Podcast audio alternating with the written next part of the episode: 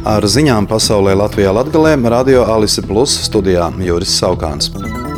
Vairāki avoti, kas ir pazīstami ar amerikāņu izlūkdienestu informāciju, Amerikas Savienoto Valstu telekanālam CNN pavēstīja, ka Ukraina izveidojusi Krievijā labi sagatavotu aģentu tīklu diversiju veikšanai un nodrošinājusi tiem pašu ražojuma dronus, kas Krievijā nogādāti pa kontrabandas maršrutiem.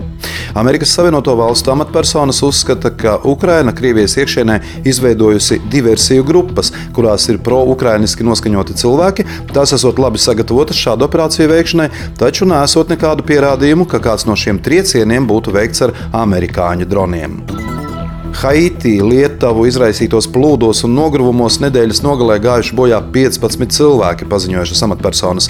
Vēl 8 cilvēki pazuduši bez vēsts, aplūdušas simtiem māju, tāpēc savas dzīves vietas bijuši spiesti pamest vairāk nekā 13,000 cilvēku, kā arī nodarīti ievērojami postījumi lauksaimniecības platībām. Daugopils psihoneiroloģiskajā slimnīcā pagājušajā gadā ieguldīti 1,7 miljoni eiro. Pērn pārbūvēti slimnīcas otrais, pirmais un mācību korpuss, veikts ūdensvadu un kanalizācijas sistēmas remonts, kā arī izstrādāts projektēšanas uzdevums katlu mājas būvniecībai, teritorijas labiekārtošanai un citiem darbiem. Slimnīca aizvadītajā 2022. gadā strādājusi ar 22,54 miljonu eiro apgrozījumu, kas ir par 8% vairāk nekā iepriekšējā gadā. Peļņa pieaugusi par 2%, sasniedzot 0,34 miljonus eiro. Kapitāla sabiedrībā izjūt Krievijas agresijas Ukrainā sekas izējumateriālu, preču un pakalpojumu sadārdzinājumā un to pieejamībā. Tā teikts vadības ziņojumā. Tādēļ būvnieki un piegādātāji ir informējuši slimnīcu par sarežģījumiem līguma izpildē. Pacientu skaits kopš 2022. gada sākuma pamazām palielinājās, un gultu noslogojums gada 3. ceturksnī jau bija pielīdzināms pirms pandēmijas periodam. Slimnīca plāno šogad attīstīt dienas stacionāra un ambulatoros pakalpojumus, vienlaikus nemazinot pakalpojumu kvalitāti. Tā teikts ziņojumā. Tāpat tiek plānots palielināt ilgstošas sociālās aprūpes un rehabilitācijas klientu skaitu.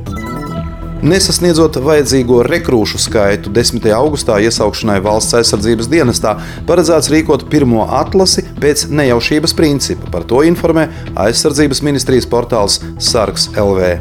Pavisam nesen ir noslēgusies pieteikšanās pirmajam iesaukumam valsts aizsardzības dienestā, bet otrajam iesaukumam jaunieši var brīvprātīgi pieteikties līdz šā gada 15. jūlijam. Ja šajā termiņā vēlamais cilvēku skaits netiks sasniegts, trūkstošo rekrūšu skaitu paredzēts pielasīt ar atlasi pēc nejaušības principa. Daugopils pilsētas pašvaldības izglītības pārvaldes pārstāve Ilona Bohāne informē, ka izglītības iestādēs skolotāju trūkums nesot kritisks.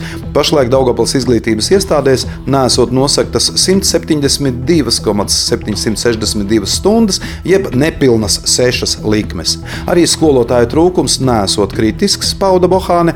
Visvairāk vakanto stundu ir angļu valodā - 21,13 jeb 0,7 likmes un pirmsskolas izglītības skolotājiem, un tas ir 15 eh, stundas, jeb 0,5 likmes. Daugopils izglītības iestādēs pavisam strādā 1631 pedagogs, no kuriem 81 pedagogs ir sasniedzis pensijas vecumu. Vidējais pedagoģa vecums Daugopils izglītības iestādēs ir 47 gadi. Daugopils pievaķēžu ražotāja akciju sabiedrība Ditona pievaķēžu rūpnīca paziņojumā Biržē Nasdaq Rīgā teikts, ka kārtējā akcionāru sapulce tiks sasaukta jūnija beigās. Darba kārtībā paredzēta 2022. gada pārskata apstiprināšana un lēmums par 2022. gada peļņas sadali.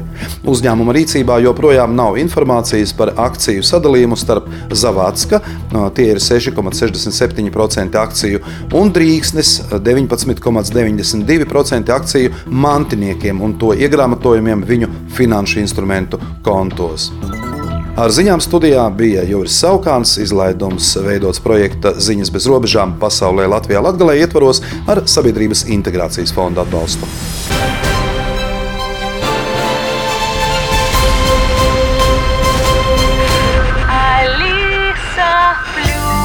Radio